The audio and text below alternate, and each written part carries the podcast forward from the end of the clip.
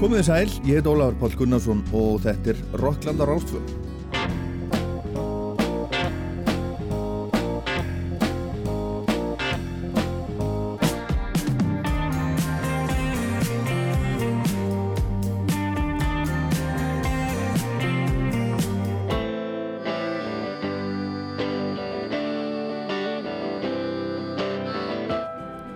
Ég ætla að koma víða við í dag geti svett ykkur.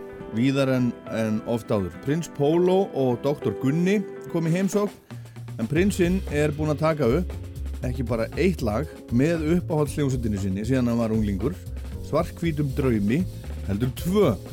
Prinsinn var gestur Rocklands snemma í sumar og þar kom þessi, þessi hugmyndu að hann myndi búið til músík með svartkvítum draumi og nú er svo hugmynd orðin að veruleika. Við heyrum Laugin við frumflytjum Draumaprinsessuna og Sjoppuna hérna eftir, Prins Pólo og Svarkvítu Draumur saman.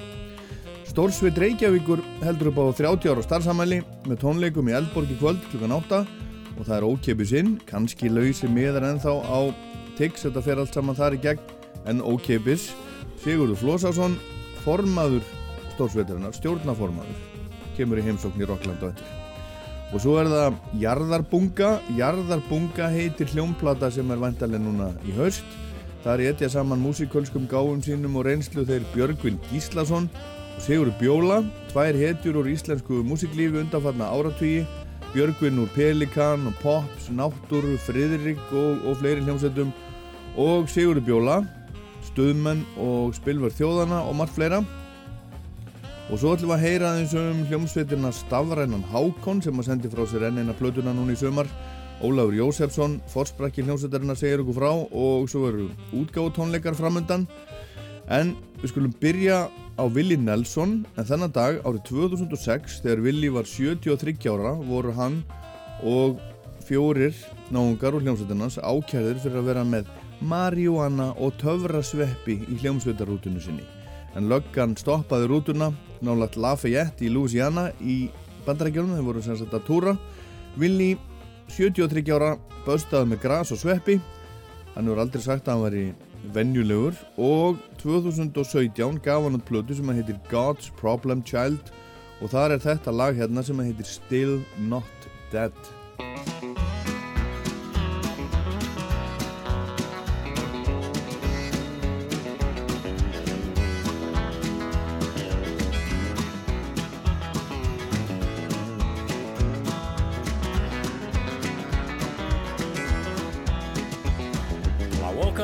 still not dead again today.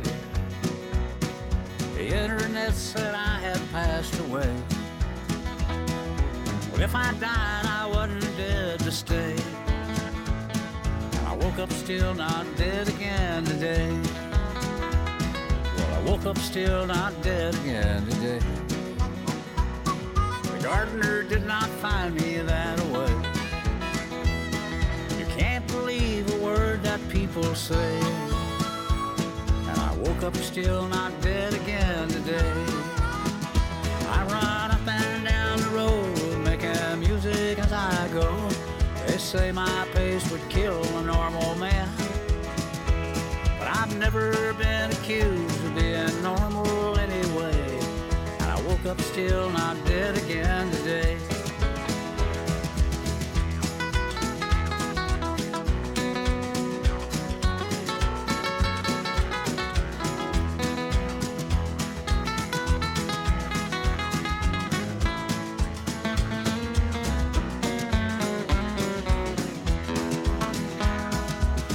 Up still not dead again today. The news said I was gone to my dismay.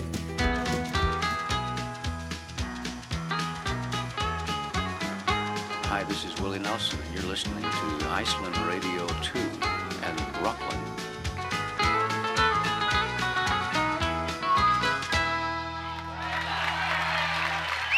Prins Pólo kom hinga í Rockland í júni og við rættum heim og geima og eitt af því sem við töluðum um var með hverjum hann var til í að vinna og gera með músík og hann talaði um að platan Góð með S.H. Draum væri uppáhaldsplatana og svo plata sem hann hefði hlusta mest á í gegnum tíðina og þetta fór út í loftið og nú er prinsinn búin að gera ekki bara eitt lag með svarkvítum draumi heldur tvö, tveikkjalaga plata að koma út eða eitthvað og prinsinn komin aftur og Dr. Gunni fórsprakki svarkvíts draums. Velkomnir! Já, takk fyrir. Takk fyrir það. Herðu, við, hérna, svona gerist þetta og við ætlum að spila bæði þessi lög sem heita Sjoppan og, og uh, Drauma prinsessan. Mm -hmm. Er það annað með þetta? Að stór ánæður, stór Já, já, mjög gott. Já. Þetta er svaka ferli. Þetta er sannleikur. já, Þú já. ert, þú ert ljósmóðurinn, Ljósmóðir, Óli ljósmóður. Það er skemmtilegt. Óli Ljós, það var, var einn Óli Ljós á Akranesi, hann var reynda ljósmyndari. Já, já. En hérna, en að, aðeins kannski, förum, förum, förum hérna aðeins aftur í tíman. Hvað, hvað var merkilegt við þessa hljómsend, svarkvítan draum, ef, ef, ef, ef, þið greinið það hérna aðeins saman? Ég er nú ekki aðstötu þess. Jú, jú, þú ert popfræðingur. Já, ég menna, þetta var bara hljónsveit sem ég var í, frá 82 til 88. Já, Og við vorum bara mjög ungir og, og GR-aðir og, og til í að setja mark okkar á íslenska tónlistarsögu sem var, við, já, við svona byrjuðum í í leifunum af þessari Rocky Reykjavík bylgju aha, þá tók við að okkar mati mjög leiðilegt tímabil sem var þetta 80s já, og þið bestir. Nei, Íslandi? já, já, okkur fannst það náttúrulega eina almennilega hljónstinn við vorum mjög hrókað fyrir ungi með og vorum að móðkalla og svona menni eins og Felix í greifunum og svona Felix Vindin. já, já, Já, endalust diss og, og bara ömuleikurar já. En, en Svavar, hérna, förum aðeins í svarkvítan draumatur. Hvað var svona, uh, hvað var það sem að, sem að, sem að þú heyrðir hérna? Já, ég heyrði bara eitthvað svona, eitthvað nýtt, eitthvað sem ég hef ekki heyrt áður, eitthvað svona sem að, eitthvað kærkomið. Heyrði þetta nú bara gegnum svona, gegnum vegginn hjá sýstu minni sem var að spila þetta. Já, það var sýstið þín Sýstu mín var, var að spila þetta á spila góð á plutspilaran og, og hérna og ég svona heyrði óminn af þessu. Svo þegar að hún var ekki heima þá fór ég inn til hennar og stalst í að spila alla plötuna. Já, já, og fannst þetta vera eitthvað nýtt og ferst og framandi og heitlaði stað þessu. Já. Áður en lengra haldið, skulum við heyra hérna, heyrum eitt lag af góð sem ég ætla að beða þig um að velja. Já. Bara auksnandalsi eða eitthvað? Jó, því ekki það. Það er klassík. Já, já, eina lagi sem komst næst hjá að vera vinsa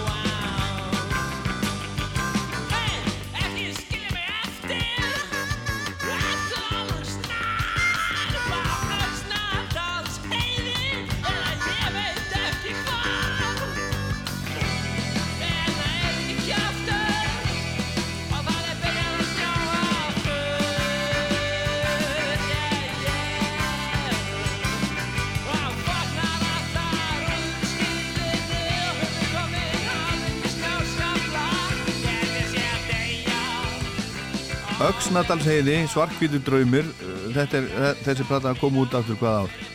Góð Já, hún var tekin upp uh, 87 og svo náttúrulega tók allt það langan tíma að hún kom í janúar 88 Já, en, en frábær tíma, frábær tímasetning. Já, já, Svona hafði rétt. verið eftir jólaflóð hafði verið plat ásins þarna hjá nokkrum mesturum sem höfðu heyrt hana Já, 87 þannig að ég veit ekki 87 segjum það bara. Já, en þetta var, hún var, hún var sér plata ásins hjá einhverju svona pop-spekingum Já, já, hérna Ævar Orð Jósefsson fekk einn dag og Já, ég held að bara fengið svona tíu, þú veist, fyrir jól.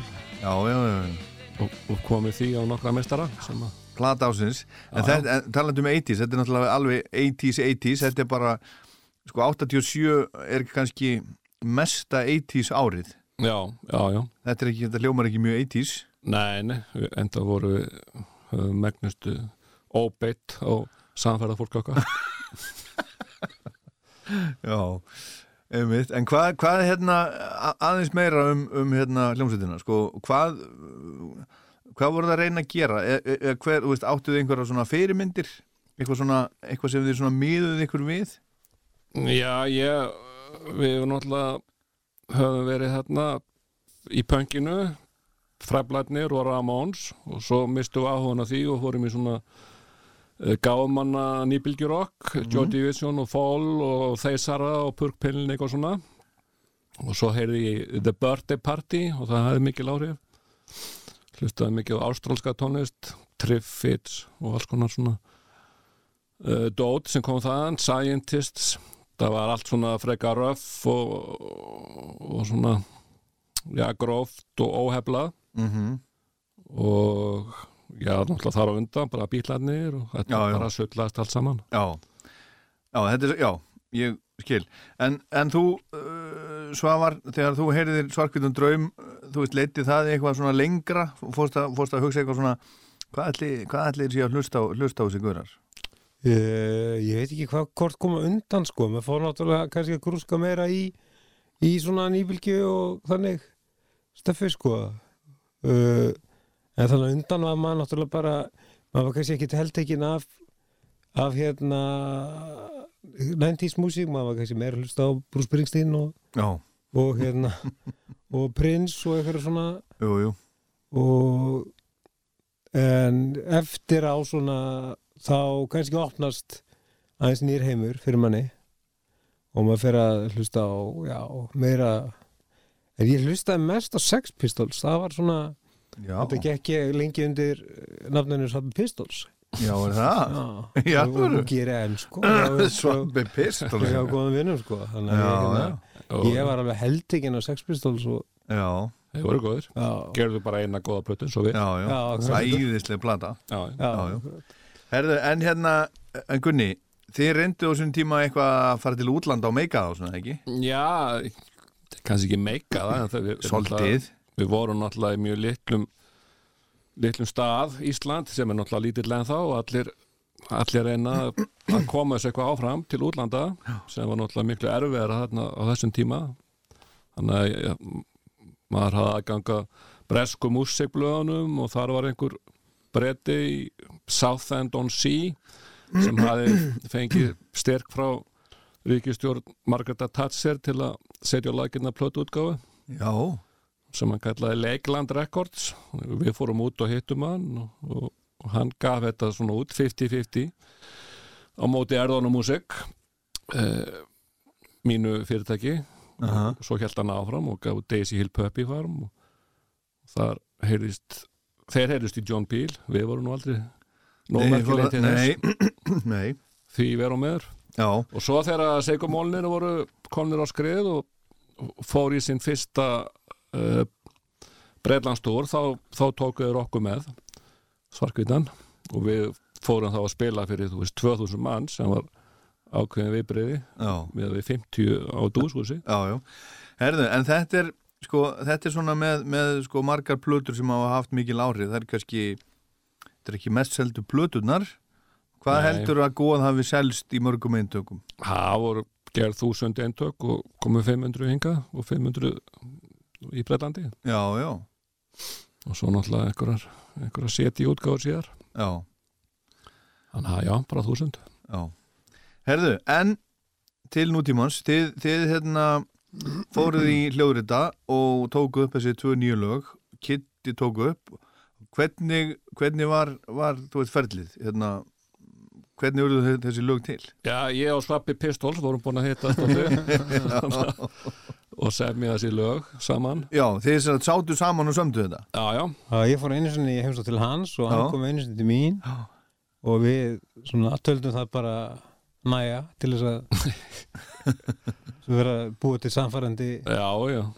rocklög. Já, já, þetta bara gekk eins og í sögum Já, og hérna svo komur strákarnir Biggi trommari kom frá Eskifyrði alveg spólgraður og, og við finn, fundum sound og bara hendust í þetta og Steini gítarleikari sem er nú aðalega að kenna klassískan gítar hjá Suzuki skólanum. Hann var komst í smá tíma að- að komast í haminn en það tókst á lokum. Já, og svo bara Nú er töluvert langt síðan hans snertir ramaskítar sko. Já, er það? já, já, já, og við bara neldum þetta inn á einum 9-5 degi. Já. Þú maður heyra fyrst aðliðina hérna minnst á, á Báru Bleiku til dæmis. Drauma prinsessan. Já, Hvað er uh, um hvað fjallar hver er, hver er Drauma prinsessan Þessi texti, textagerð gerist náttúrulega mjög hratt og mjög spontant. Sko. þannig að það var eina sko bara ég held að Bára Bleika hefur komið bara þannig inn bara rétt áður en það var ítt á rekk sko. Já, já, já, já, já það er, það er, ekki, það er mjög grunn hugsun á baku þessan Já, þetta er enginn að taka þetta mjög til sín sko. nei. Nei, Sömduði líka textan saman? Já, já, Já, við vorum bara Já, með skall sem að við Já, já, piltum inn í svona til skiptis. Herðu við skulum hlusta á þetta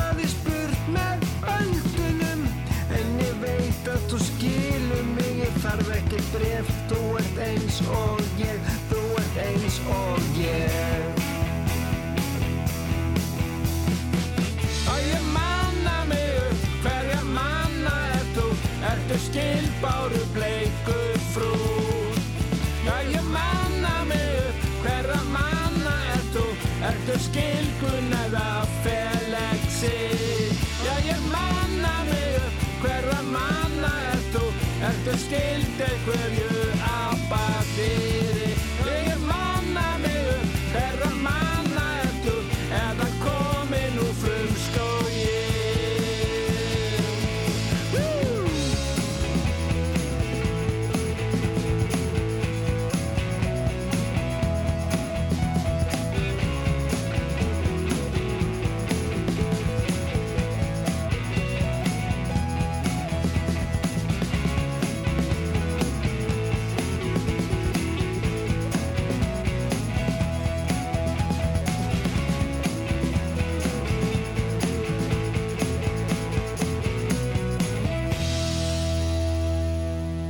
Þetta er draumaprinsessan, þetta er svarkvítu draumur og, og prins Pólo saman.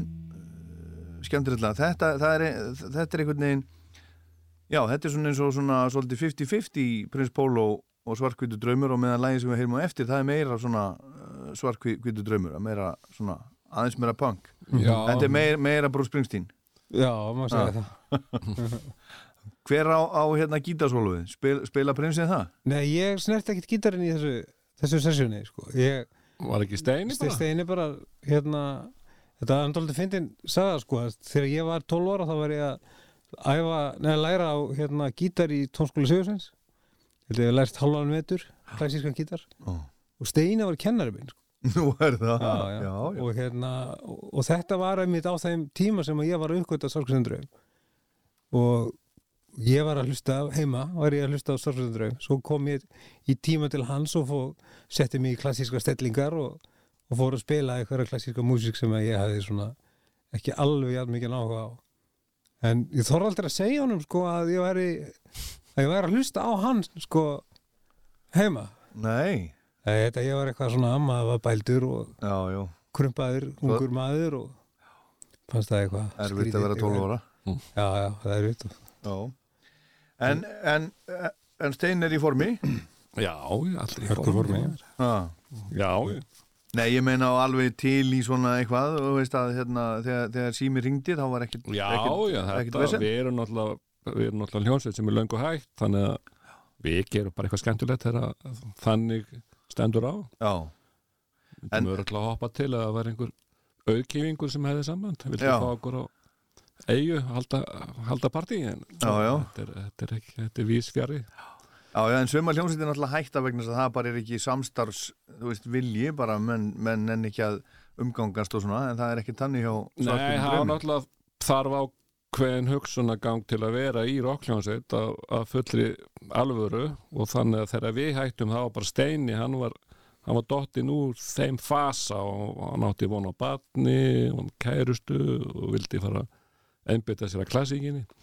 Þannig að var svona grundvöllurinn fyrir því að hann var áfram í þessu basli var bara ekki lengur til staðar. Já, já, þannig að ég og Byggi heldum áfram í, í Bless. Já. Herðu, en, en hvað, hvað er lengi verið að taka upp svona tvö lög? Það er bara frá tíu til fjögur. Já, einn er dag bara. bara vinnudagur? Já, Já, já, Já, með, svo- með myndatökum og, og hambúrgara já. já, myndatökum. Já, hann sem er aftan á plötunslæðinu Já, já, og, og byrju, er hún, að, er hún að koma út sem þetta á vínil? Já, sjötómi, kemur út á sjötómi vinil í 30 tölusetta veintökur 30 eintökum, já. Þau eru náttúrulega löngu uppseld. Já, því miður. Já, Á það Það, ekki það að, eru nokkri eftir að borga en á það ekki að gera, gera meira? Nei. Ef þetta- er takmarka upplag, þá er þetta takmarka upplag Já, Svo er bara svo er bara lust á Spotify og Apple, já, ég er nú hérna, Tidal svolítið sára hafa ekki, ekki fengið símtal Símtal, um, um blödu. þú far nummer eitt Nú fæ ég blödu. Já, rólegur Nú takk fyrir, ég, ok, ég bara, ég fekk bara mér, Þú mér. ert, þú ert Já, ljósmáður ok, takk, ég þakka, þakka, þakka kærlega og það fyrir það. nú að vera gjöf en ég meina nú er búið ok. að Nú er búið að skemma Já, skemma það. Ok Herðu, já, já Herðu, en hérna en, en þið eru líka búinir að, að gera myndband. Já, fengum Ara Eldjárn. Hann er hérna hann er að breyða út uh, fagnar erindi í Super 8 filmunar. Já, tekið á filmu. Það tekið að filmur sko. Eins og náttúrulega myndbönd strömsins voru tekin upp hérna í den. Já, og, já. og þetta er bara þetta ég veit ekki þessi, þessi þekkja, Super 8 þetta eru bara svona litlar spólur, þrjár mínútur hver spóla, Já, sem er náttúrulega mjög fínt fyrir dagalag, þrjár mínútur sko. já, og það er reynda tvær spólur, þetta er svo langt lag. Já, já, reyndar er, já, það er tvær spólur í þetta. Já, það þurfti eina utandira sko, hundraðasa spólu já, og svo eina innandira fjörundraðasa spólu. Þannig að Við erum bara eitthvað að veflast þarna hjá sjoppu í breiðaldi Já. og, og reykja fyrir utan og rækja og svona bara Já, hafa okkur í runglingar og graffa já, krúta vegi Þetta er alveg það sem að já, hálf 60 kall að gera já. Akkurat. Hérna, og, og er, er mynd- myndbandi klárt eða? Nei, það er í framkvöldun Það það er verið að, það er já, að það er að þarf að senda hana þá til útlanda? Já, eða? þessi ekki sendið í Danmörkur eða Þýskalands eða eitthvað já, já, Það er bara sveittu núna Já. as we speak já. að Já, klára þetta er bara að filma, senda hann til útlanda, framkalla. Framkalla og, og svo, Svo þarf að þetta í, klippa, klippa þetta aðeins svona, aðeins að snurfusa þetta. Já. en það vol, hann hefur gert þetta áður fyrir mig og ég hérna, það var merkilegt að hann hérna gerði vídeo fyrir mig um daginn og, og það lægið var akkurat þrjár mínútur upp á sekundu já, jafn langt og spólan sko þannig að það þurfti ekki að klippa. Þannig að það var bara eitt teik. já, bara eitt teik Já, það. Já, já, svo komum við náttúrulega með þetta hérna rúf og fáum þetta að spila í Skonrocki Jú, jú, að sjálfsögðu, sjálfsögðu. En, en er, er Ari, sko, er hann aðdáandi S.O. Dröms? Já, allt í nú ekki Þetta viss? já, ég, það hljótu nú bara að vera sko Það er kannski ekki aðdándi en já, kannski Já, hann hefur, hann hefur áhuga á alls konar, Jú, Músík. Já, já, já Bílánum, já.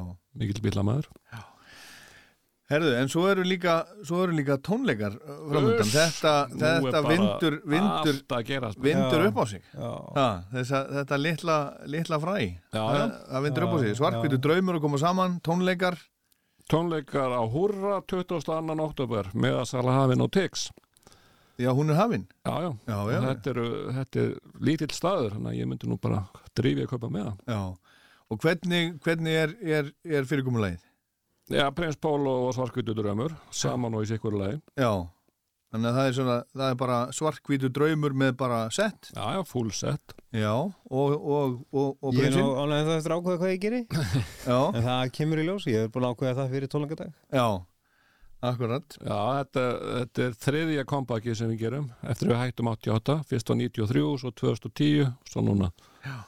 allt er þá þrejum dagar Nei, segi nei, nei, nei, svona, alveg bara áfram, áfram. áfram veginn En, en, en Svavar, er eitthvað, er eitthvað frekara eh, samstarf framundan? Er eitthvað, er eitthvað meira? Prins Bólo og Latti? Prins Bólo og... ekki til til þetta Nei? nei, nei, það er svo sem ekkert ekkert að prónunum sko ekkert sérstakt Nei. Það er ekkert sem þú vilt henda út núna, svona eins og, eins og síðan. einhver óskir nei, þetta, þetta er svo mikið vinna maður Já, þetta er náttúrulega, Ah. já, þetta er vinna. að það drekki sér í öðru verkefni en enn því ekki, Nei, en Nei, þetta er mjög gott. við Þetta er, ég, þetta og, klára þetta er mjög gaman að þetta, þetta skildi verða já, þetta er bara algjör snild frá A til Já. já, já, já. Herðu, þá er það bara, bara setna lagið, sjoppulegið sem að þið gerðuð, gerðuð uh, eða, já, þetta, þetta vídeo sem, sem er að gera, Super 8 Já, Filman. sjoppan. Og þetta er svona svolítið svona svarkvíts draums það er Gredda í þessu. já, þetta er grottalag já, og mjög, mjög hættulegt að fólk er að keira því kemur svona sírena já, í miðurlagi, það er alltaf mjög slæmt þegar það kemur í lögum. Já. en maður að keira sko, maður heldur að sé eitthvað skeið já, já og þið, þið sömduð þetta líka, líka saman. Já, já. Á annar ykkar þarna riffið, aðal, aðal riffið í læginu eða? Aðalrif er gamalt svarkvístur umslag sem byggi Baldur skild aldrei. Hann, hann var alltaf að telja sko onið það í fjórum fjórðu. Já, en svo kveiknaði ljós þegar hann fatt að þetta var í þrem fjórðu. Já, já, þannig að þetta, þetta rann eins og smjör. Geggjað, heyrum þetta. Herðu, takk fyrir komuna. Takk fyrir, Takk fyrir Dr. Gunni, Prins Bólo takk og fyrir ljósmóðir. til hamingi með þetta. Já, gaman, gaman að þessu Takk. Sjáumst að húra Jó.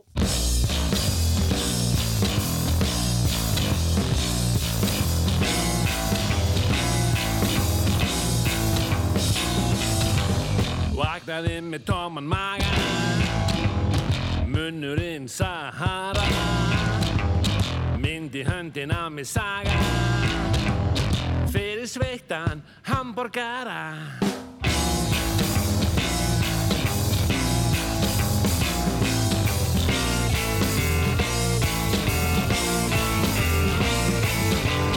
Fötin síða öll að flakka. Engin tími til að drolla. Askvæðandi út í sjöppu Pantaði mér borgara með öllu. Þarna upp á hæði dróni fögur sjoppa. Hún er mér lífræð, gerir mig glaða. Hún gefur mér gott í kroppin Án hennar væri ég komin í sloppin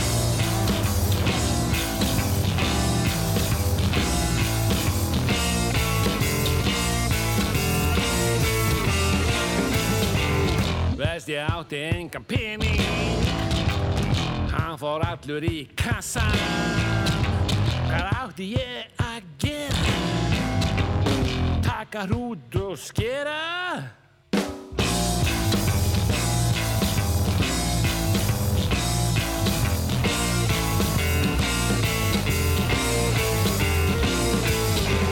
Svo ég tók upp vasan hníf og held þetta væri eitthvað grín. En ég var fúlasta alvara. Og ég fekk frían hambúrgara. Þarna upp á hæð dróni fögur sjoppa.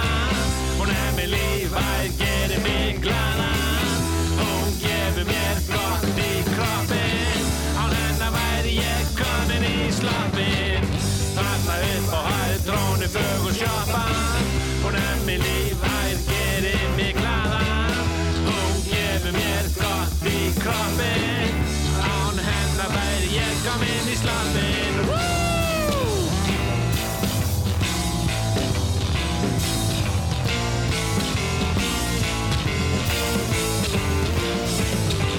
Hljóp heim og sláraði mig þýfið Það var kannski ósvífið Ég er orðin skýta hrættur Hvar ertu mamma?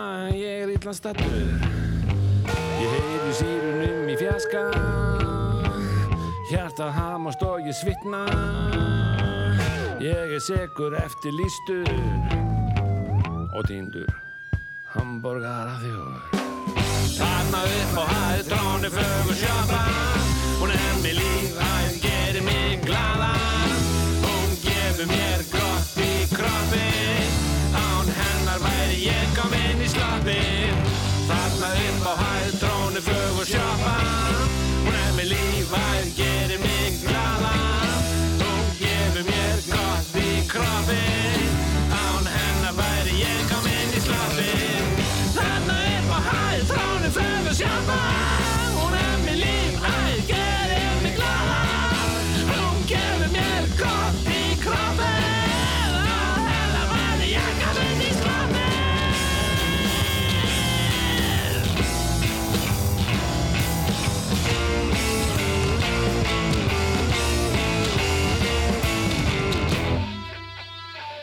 Þetta er Dóttar Gunni, Rockland, engin sípilja, bara gott rock og roll.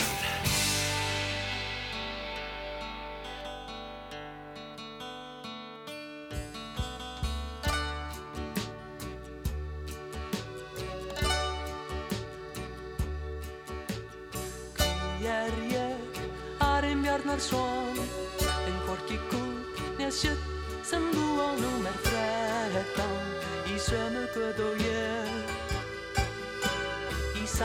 hús og ég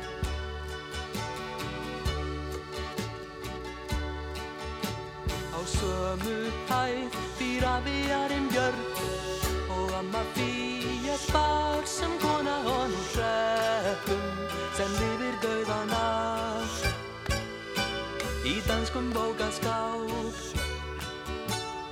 Mamma vildi annan mann og pappi annað líf en það fættist lítið barn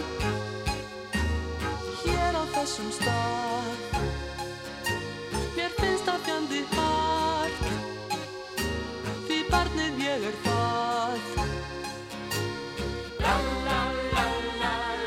Hérna heyrum við spilverk þjóðana þá mögnuðu hljómsveit lægið Arin Bjarnason, Sigurður Bjóla syngur af plötunni Sturlu sem kom út 1977 Jarðarbunga heitir hljómplata sem er vantarlega núna rétt bráðum.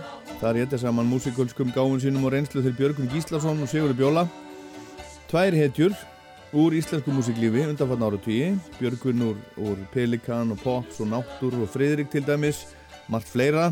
Og Sigurður Bjóla hann var í stöðmönnum og spilverki þjóðana og hefur svo gert, gert margt fleira stjórnað upptökum og fullt af blöðum og komið nálagt mjög mörgu, mjög lengi og þeir ætla að segja okkur sjálfur frá hérna á eftir, þeir eru sem sagt saman á þessari nýju blödu í þessu verkefni, eða hljóma sér hvað við kalla þetta, Jarðarbunga, við heyrum þrjú lög á þessari blödu, fyrst er það lag sem heitir Mannsins von og Dísa Jakobs syngur með þeim félögum í þessu lagi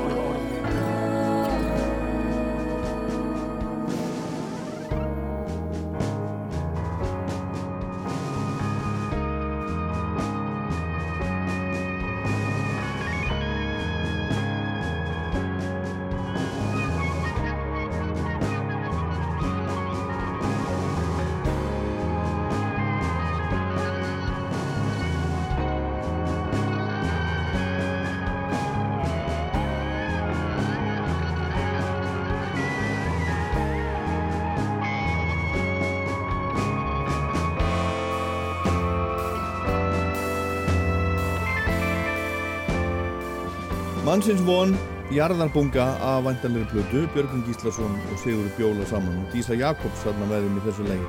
Það eru tíu lög á þessari plötu sem þeir Björgun og Bjóla hafa samið í félagi, bæði lög og texta. Yrkisefnin eru margvísleg eins og eh, lagalistin á síðunni jarðarbunga.is ber með sér.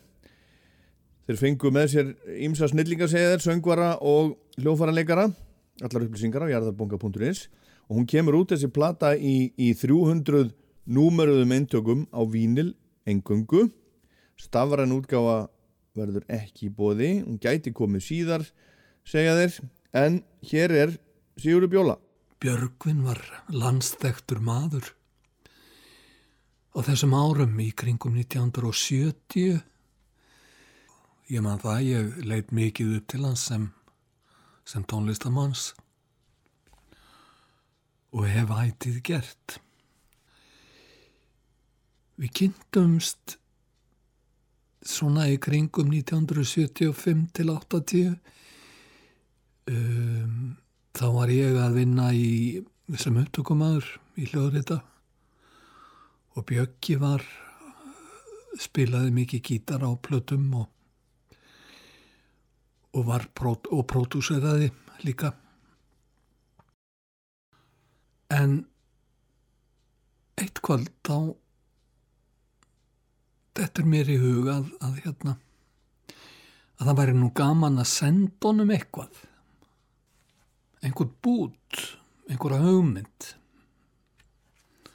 Svo ég senda honum demo. Pínu lítið lag fannst svona að gæti verið eit- eitthvað potential eins og menn segja í útlöndum. Ég meina það, það næði þá ekki lengra. Honum fannst nú ekki útilokað að væri eitthvað hægt að gera með þetta. Þannig að síðan komu lögin bara til okkar og, og þetta var voða ánægilegt og létt og auðvelt. Þannig er nú það. Þess má að lókum geta þetta litla lag þetta litla demo var það lókum titillag blötunar Jarðar bunga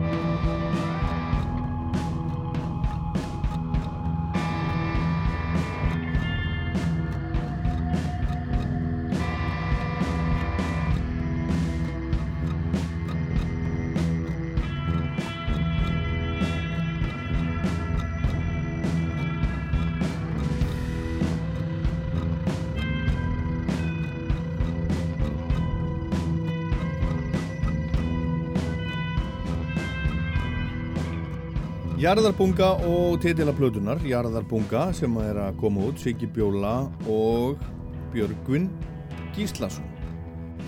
Já, já, við erum búin að þekkjast heilingi. Sjóri Bjóla, við erum búin að bralla hitt og þetta í gegnum árin. Langt, langt, langt síðan að við gerðum einhverjar upptökur ábyggila nú Jolly Cola eitt af mínu uppáhalds þar fekk ég að spila alveg fullt. Og hann hefur stundu verið að kalla í mig hann sóló plötu fyrir nokkrum árum með eða sóló með Pétri Stefáns spilaði svolítið á því. Strax eftir það þá senda mér lítinn fæl og á bara svona e-mail. Hvernig líst þér á þetta Björgvin og ég mér leist vel á þetta þetta var eitthvað svona þungt og dimmt og mikil stemning.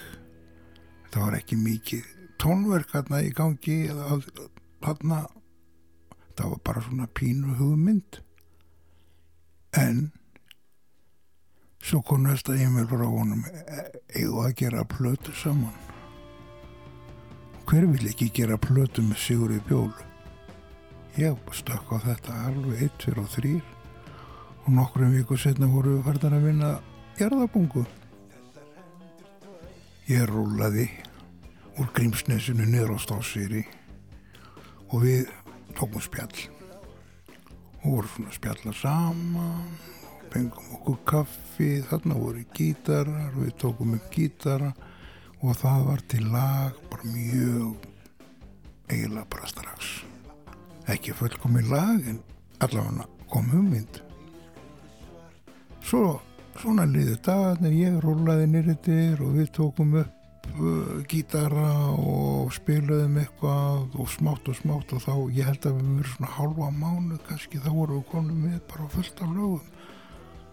Og, og þetta átti eftir að vinna þetta allt saman og, en þarna voru komin fínar hugmyndir. Eitthvað ykkur ég hendu við ekki miklu þó. Við vissum alveg hvaða menn við vildum fá með okkur á þessu blötu bara Halli og Geiri það kom ekkert annað til greina. Nú svo komu svona Tómas Jónsson Pétur Hjaltist Jens Hansson og fleiri og fleiri. Einar Örn Pörkur Bilnik Sigumóli myndlistamæður snillingur Múkisson afmælisbróðið minn. Við höfum nú bara alla svolítið líka. Nú og ekki má gleminni dísu. Hún kom stundum á mótnana áður hún fór í vinnuna og við vorum að djama saman á sítar og hún að syngja. Ógleymalega stundir og því lík söng hún að því lík rödd algjör engil já mannsinn svon reyndi syngur það dásamlega. Ég man að við vorum ykkur í vandræði með okkur fannst vantaði eitthvað eða bjóru fannst vantaði eitthvað kabla í restin eða eitthvað. Og hún ég fór bara heim í meðalvöldi og glamraði svolítið á píjanu og þá kom eitthvað og svo bara var unnið út frá því og mér finnst þetta flott lag. Mannsins von, mér finnst það uh, ég er mjög stoltur af þessu. Ég held að þetta sé mjög flott lag. Sjálfur syngjum við nú eitthvað á blötunni uh, og þessi gestasöngvara þá vorum við með uh, syngjum við sjálfur nokkur, nokkur lag og tökum undir í okkur með öðrum stundum og allir gangur að því. Sigur í bjóla er náttúrulega sjóaður söngvari múin að syngja gegnum tíðina margar perlur. Hérna er einn ég er einn sem er alveg frábærlega skemmtilega að sungi hjá honum eða mér finnst það bara gegja uh, ég held að ég syngi eitthvað pílni því í læginu líka. Jú, ég held ég syngi á mótanum í viðlögum eða eitthvað svolítið, ég held það með minna en ég er einn, mér finnst já, það er fínt lag líka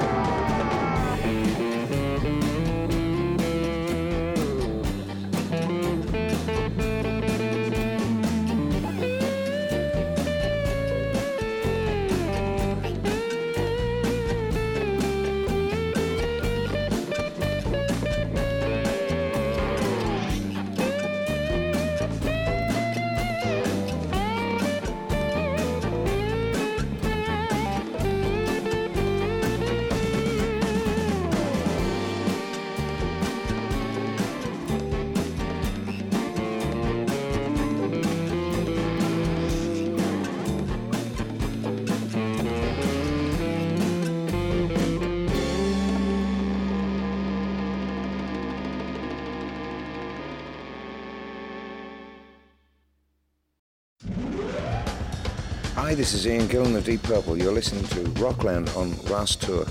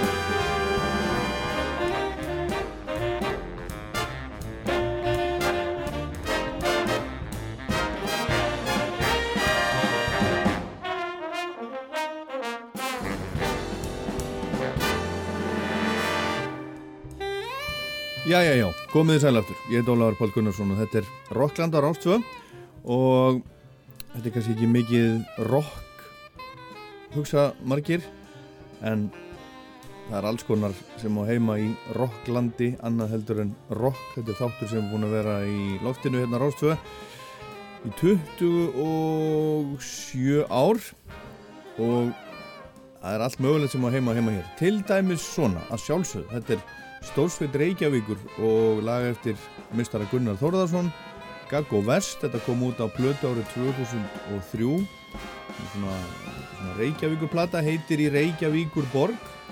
Og Stórsveit Reykjavíkur heldur upp á 30 ára starfsamæli með tónleikum í Eldborg í Reykjavík í kvöld klukkan 8 og það er ókepu sinn kannski lausi miðar en þá tiks veit það ekki En stjórnandi á þessum tónleikum er Marja nokkur Snæder frá New York.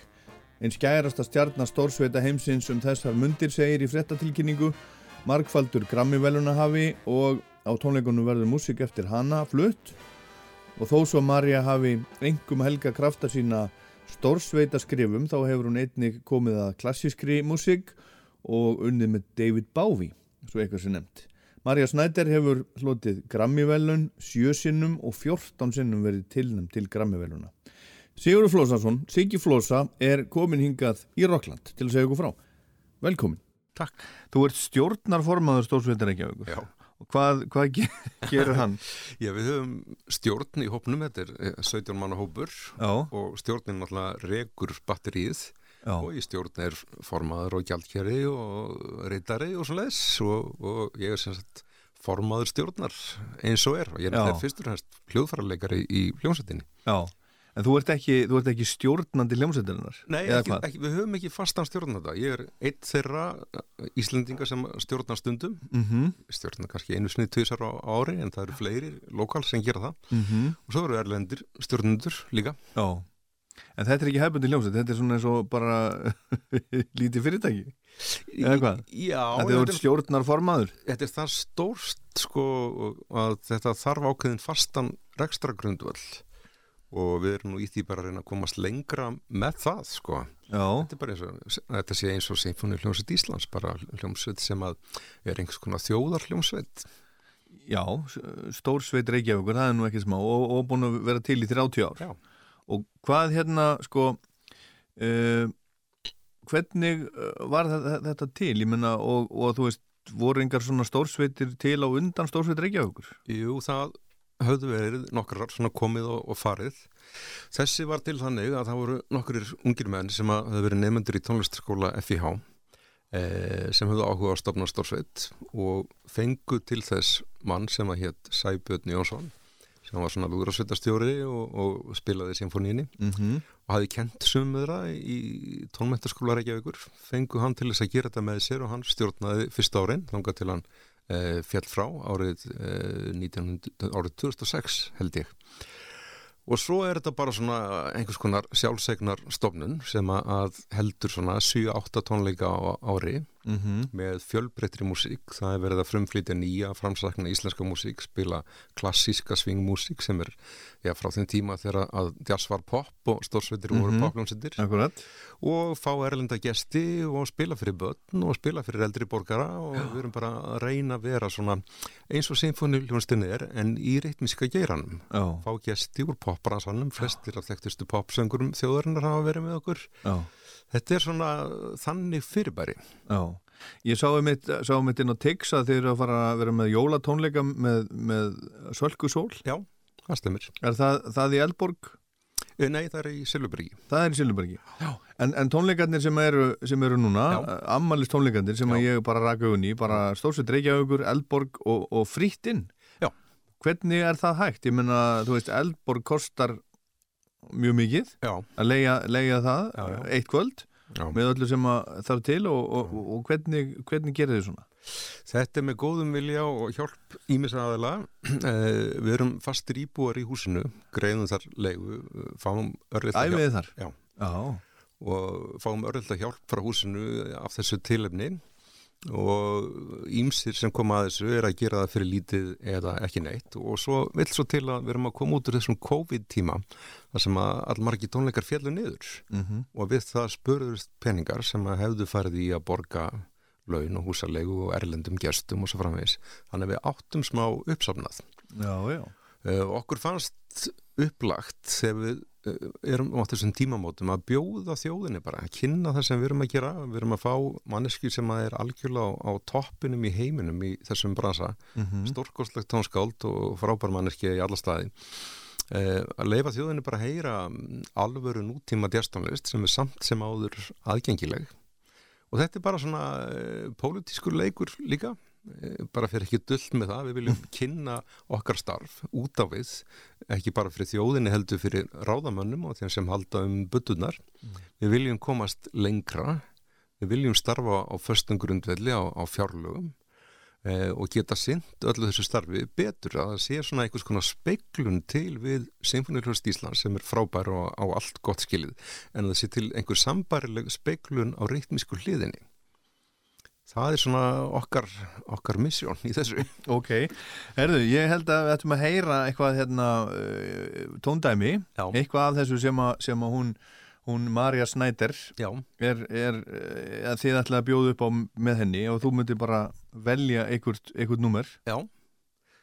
E, Það getur nú verið svo margt. Nú þarf ég bara að hugsa um hvað er á, á dagskrarni Við getum tekið til dæmis uh, Dance You Monster to My Soft Song lag sem hún samti um þá minningu að vera ung stúlka upp í rúmi í Iowa þaðan sem, hún er upp í sveit og vera hrætt við skrimslundi rúminu eins og allir aðrir og svo bjóðum til músík í höstnum á sér sem að let skrimsli dansa og láta hennar vilja Þetta er aggressív eh, músík en mikið af því sem Marja skrifar er ótrúlega fallegt og gaggrinnendur hafa haft um það gríðarlega hástand orð. Þessi kona er sko markvaldu grammi velunhafi og hefur komið víða við, komið að klasskri músík og starfaði með David Bowie á hans síðustu plötu. Þannig að hún tegið sig í, í hérna í ýmsar áttir og ég held að fólk sem að hefur gaman af ekki bara jazzi heldur klassískri músík og poppi e, ætti að vera opið fyrir þessu.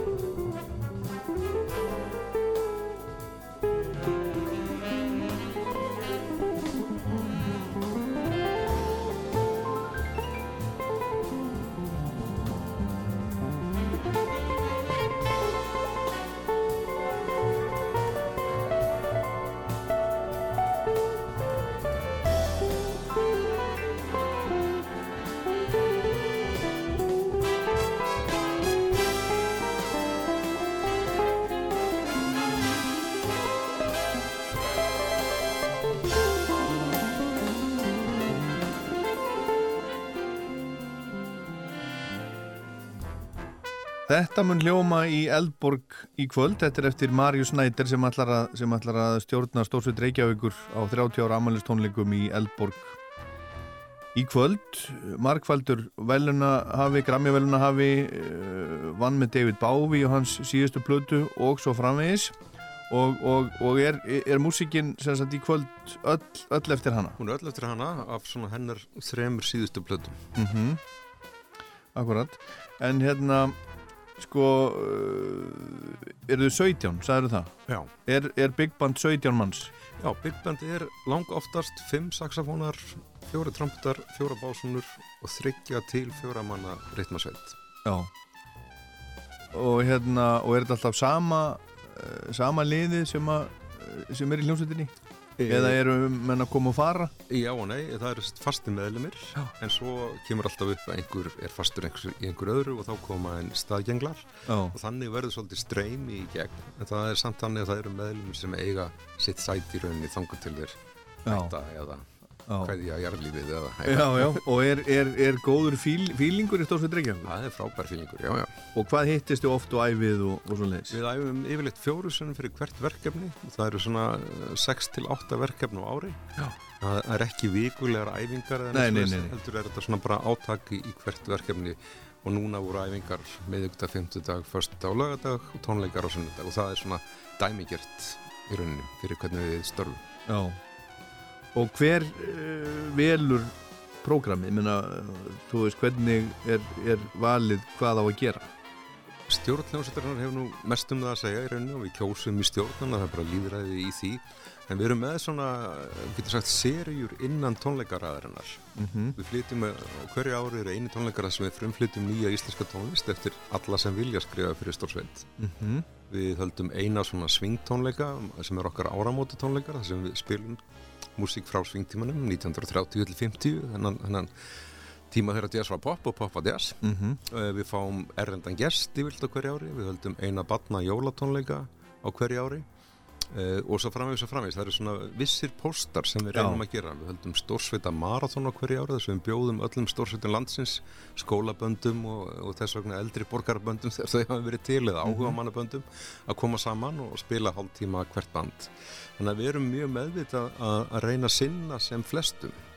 Eh, nýrri íslenskri músík, nýrri erlendri músík gamalli sögulegri stórstu tónlist tónlist fyrir ungt fólk, tónlist fyrir gamalt fólk tengjast popransanum fá fólk það til að starfa með okkur.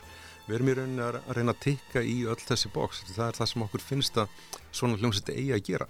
Já, en hvernig er, er, staðan? Það var svona moment fyrir nokkrum árum, þá var einhvern veginn bara, þá verður sko, maður má segja, lúðrasveita lúðarnir bara mest töff í heimi. Þeir voru að túra með Björk um allan heim og með Sigur Rós. Já.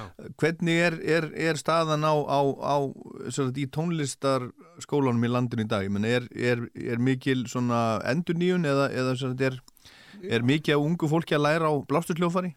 það er alveg góðu slatti en við gætum nota fleiri eða það að segja að við myndum vilja sjá fleiri koma upp úr skólalverusetunum og fara lengra Já. það, það er fullt af krökkum þar og frábært starf sem er verið að vinna. En einhvern veginn myndum að vilja sjá fleiri koma upp á næsta stig upp á mentaskólastíð í tónlist og svo inn á háskólastíð Já.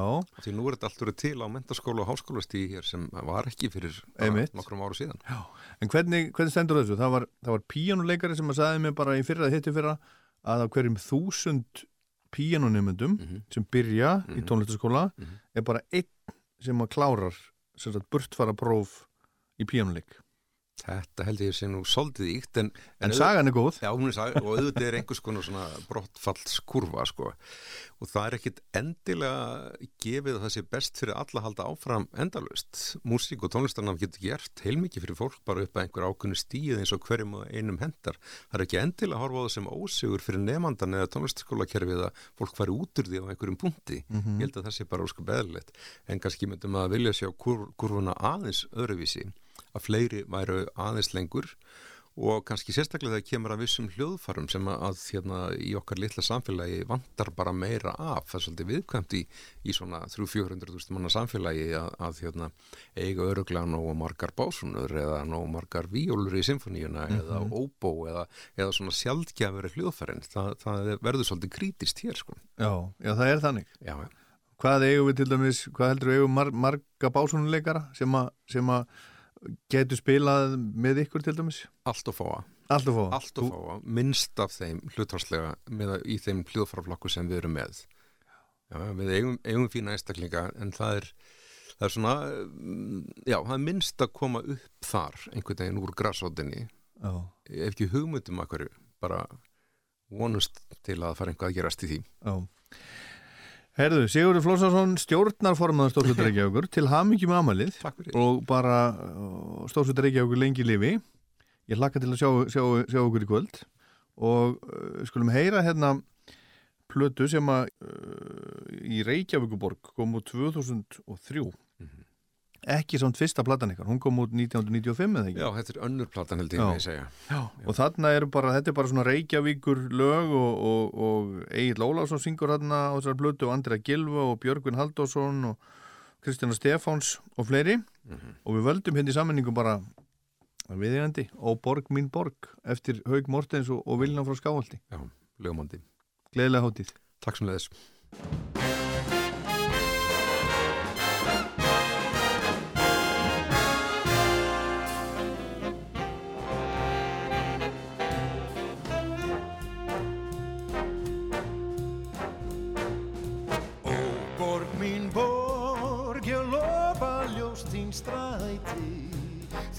Þín lágu hús og allt sem fyrir ber. Og þótt svo tárið oft minn vanga væti Er von mín eina, eina stundin hér. Og hversu sem að aðrir í þig narta Þig eðla bor sem forðum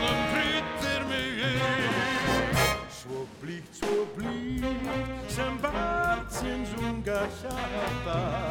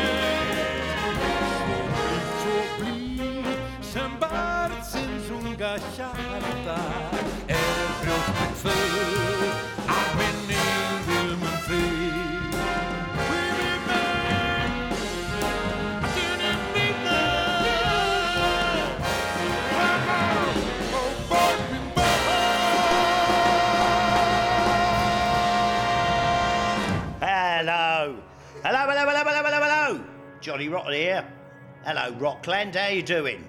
Have a bang of this number, baby.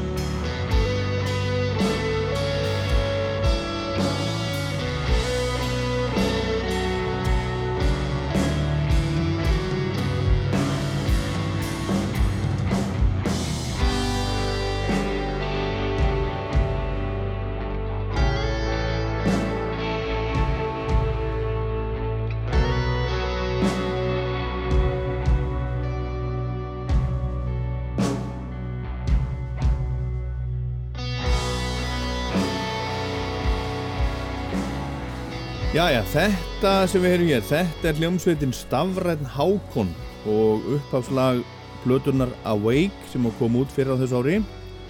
Núna 5. daginn 29. september ætla hljómsveitin að vera með útgáfatónleika í Tjarnabíói og selja þessa plötu á geisladiski, geisladiski já, í takmörkuðu upplægi.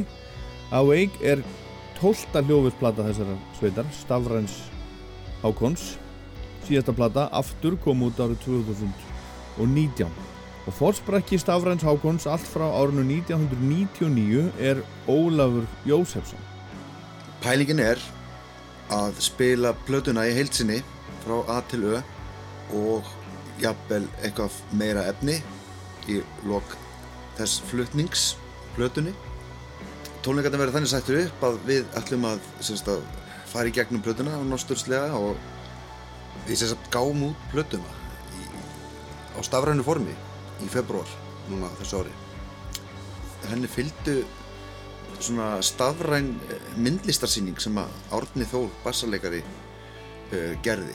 Þess að þetta eru málverk sem hann málar og hvert lag hefur sitt einkennisverk málverk þar að segja.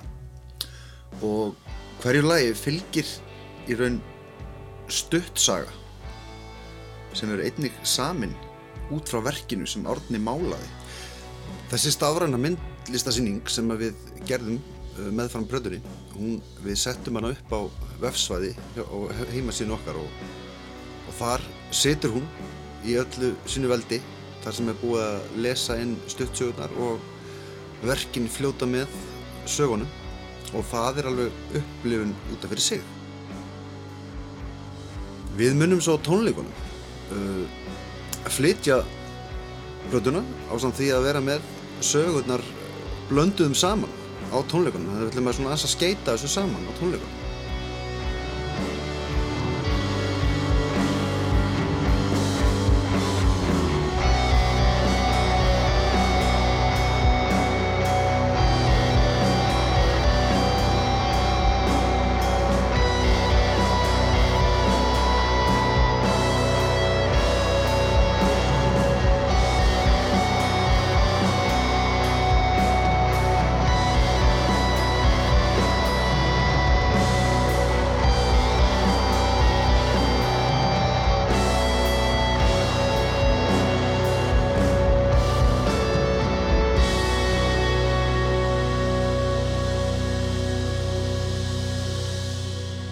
hljómsveitin Starran Hákon er búin að vera stafræk í, í þessari mynd sem hún er núna síðan 2012 það er að segja að það er ég sé sagt, hérna, Árni Þór barsaleikari Róbert Már trommuleikari, Lárus Sigursson gítarleikari og hörpusmiður og Ólafur uh, Jósefsson uh, gítarleikari. Svo hefur einnig Magnús Freyr verið með okkur inn á milli þegar við ákveðum að þegar hann er í stöðu að syngja þá er hann hluti af þessu, þessari hljómsveit. Okkur innan handar verður samt blástursveit sem spilar með okkur á tónleikunum. Það er sem sagt góðkunningi okkar uh, Fjalar Sigurðarsson sem að ja, ætlar að smala nokkrum félagum sínum saman og þeir eru myndað þessa fáru blástursveit með okkur. En hann kemur einnig fyrir á plötunni Fjalar og hérna spilar í nokkrum lögum. Þess vegna verður þetta stórkostlegt að fá þá með. Við verðum hins vegar líka með hjálparhund og það er Magnús Orri en hann er líka bróður minn og hann emmitt spilaði með okkur fyrir þremur áru síðan þegar við fórum í stuttan túrum stutt tónleikaferðalag um Evrópu og listi Lárus okkar besta mann á Holmi og gerði það með stakri príði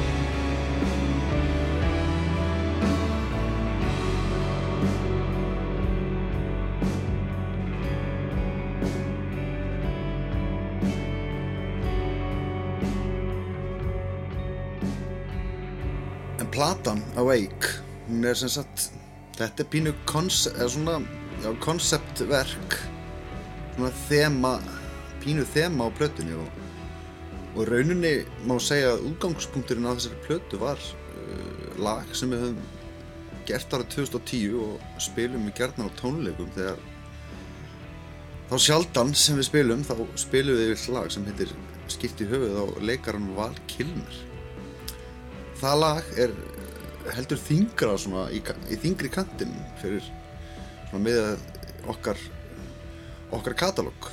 Og við erum allir mjög hrifnir af þessu lagi og það er ótrúlega gaman að spila á tónleikum.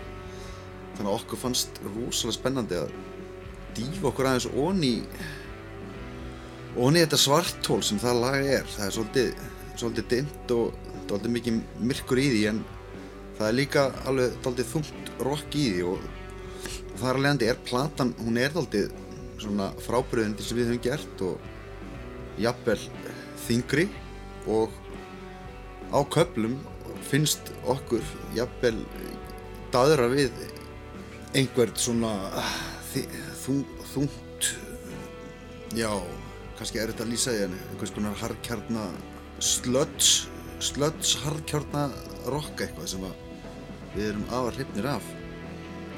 Það er að segja að músíkin er eh, kannski svolítið svona hæg en þung og kraumar hressilega í henni. Afar, afar skemmtilegt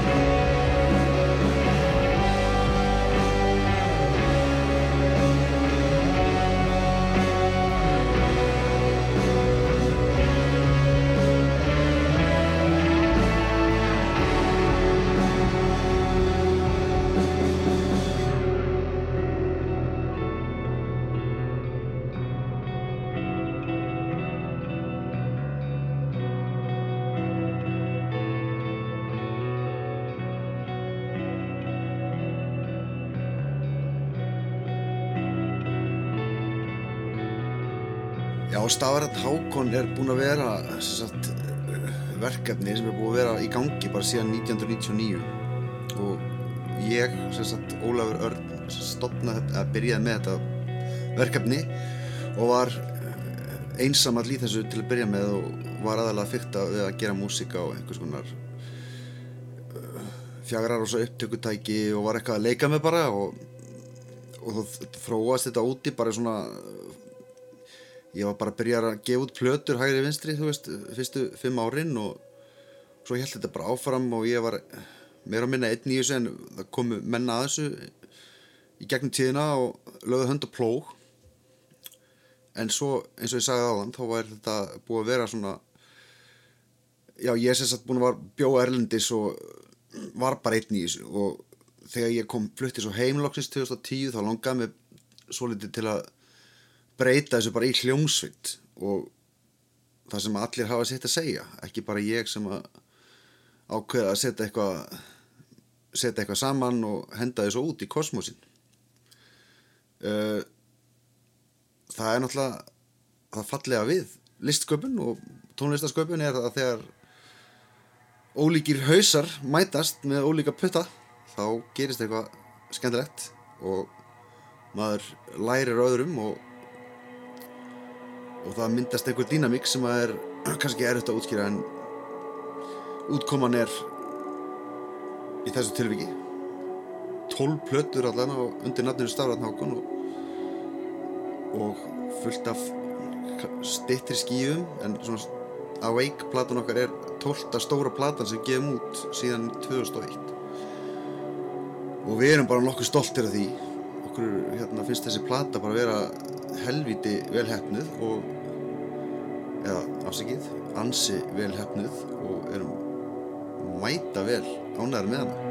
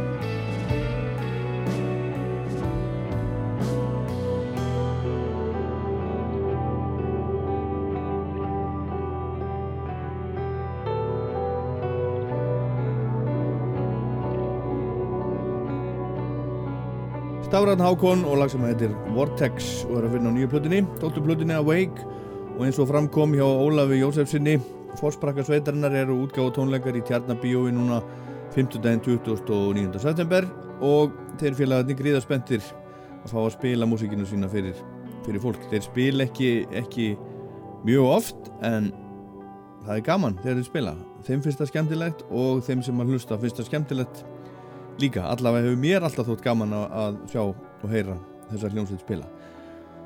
Og þeir lofa inn á Tix þar sem þeir eru að selja miða kraft, tónaflóði og sálarlegri tónlistar upphafningu í alla staði. En Vortex þetta þýðir ringið eða ekki og ég ætla að spila annað lag sem heitir Vortex. Það er að finna á plötu sem Nick Cave og Bad Seeds gáfu út í fyrra í sapni sem að heitir B-Sides and Rarities Part 2. Þetta er lagasap sem að Cave og, og hans hæri hönd Warren Ellis settu saman 27 lög sem eru tekinu upp á árunum frá 2006 til 2020 þetta lag er frá 2006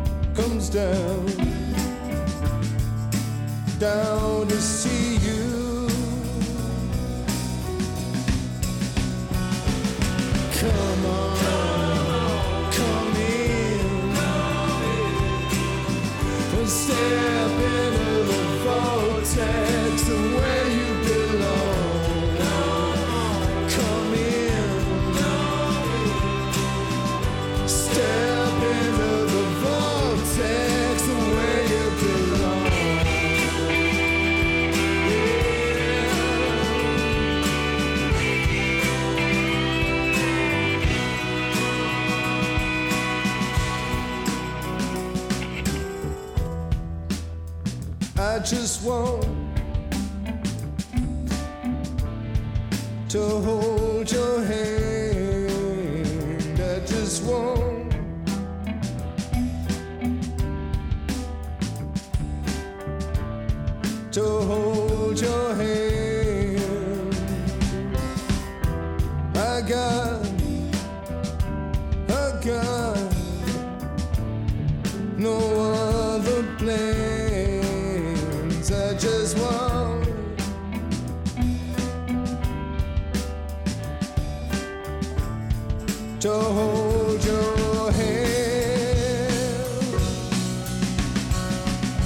and come on,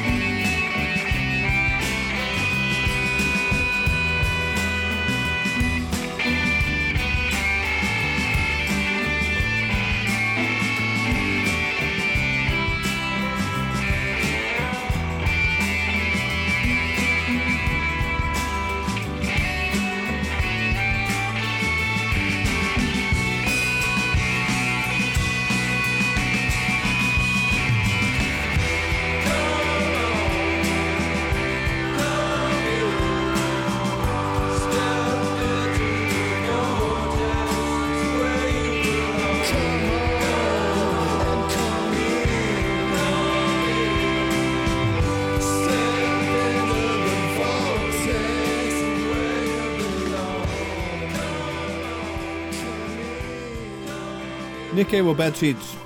Vortex frá 2006 úr þessu sapni þetta sem heitir B-Sides and Rarities Part 2 sem að koma út í, í fyrra. En þá er komið að lokum þessa þáttar og ég ætla að enda á lægi sem að var í öðru sæti á breska vinsaldalistanum í þessari viku fyrir 40 áru síðan árið 1982 það var lag á toppnum sem að held þessu lægi í öðru sætinu. Það lag heitir Eye of the Tiger. Þekki það örgulega öll en það er svolítið sérstætt að þetta lag hafi náð svona hátt á breska vinsældalistan en það bara segir uh, söguna því hvað hljómsveitin Dire Straits var ótrúlega vinsæl á þessu tíma. Þetta er næstu sjö mínúna langt lag og þetta er lag sem að uh, hvað er það að segja ég veit ekki, ég man ekki hvort að þetta var mikið spilað í útarpi á, á svona tíma og, og veit ekki en, en ef að þetta kæmi inn á borð hjá tónlistaráði Rásar 2 í dag eða bylgjurnar einhver starf, þá er ég ekki vissum að þetta myndi vera mikið spilað, þetta er bara þannig, þannig lag, þetta er langt og þetta er rólegt og þetta er kaplaskipt og þetta er allavegana. En ég man að þetta þótti afskaplega fínt á sínu tíma. Þetta er af fjörðu stúdioplötu Dire Straits sem var ótrúlega vinsal á þessu tíma. Hún heitir Love Over Gold og svolítið sérstök plata, hún byrjar á lægi sem er næstu í korter, heitir Telegraph Road. Og svo kemur þetta lag sem heitir Private Investigations. Og ég vil benda aðdáundum Dire Straits á það ef þeir vita það ekki, ef þeir hafa ekki tjekka á því að hlusta á sólaplötuna sem að Mark Knopfler hefur gert bara síðustu áratugina eftir að hann, eftir að hann hætti í hljómsveitinni, hún er fast að vera orðið allt of stórt. Hann kunni ekki við sig í þessu, þessu samhengi, þessu svona rock stjórnur hlutverki, þessari risastóru hljómsveitinni hann bara, bara saði nei, vil ekki meir, hingaði ekki lengra og hefur svo verið að spila bara einn síðan eða með sína hljómsveit skiljiði og gengur bara nokkuð vel þó að það sé ekki dávið það sem að, sem að gekk þegar Dire Straits var upp á sitt vinsælasta. En hann er algjörlega frábær, hann segir sjálfur spila á gítar eins og pípulagningamæður sem ég hef reyndar aldrei skilið en sólarplötunar séu bara allar alveg stór skemmtilegar og í rauninni ef við tala fyrir mig þá eru þær miklu skemmtilegri heldur en plötur Dire Straits En þetta var Rockland, ég minni á Rockland á netinu, rú.is í spilaranum og podcast á Spotify til dæmis. Og svo minni á Rockland mælir með lagalistan á Spotify sem ég uppfæri hverju mánuði tilvæglega að tjekka honum og, og ít á follow, fylgja, ít á hjartað ef ykkur líst á hann. En í næstu þáttum það sem er framundan Björk verður hjá mér eftir líklega tvær vikur og líklega verður Herbert Guðmundsson hérna í næsta þætti. En takk fyrir í dag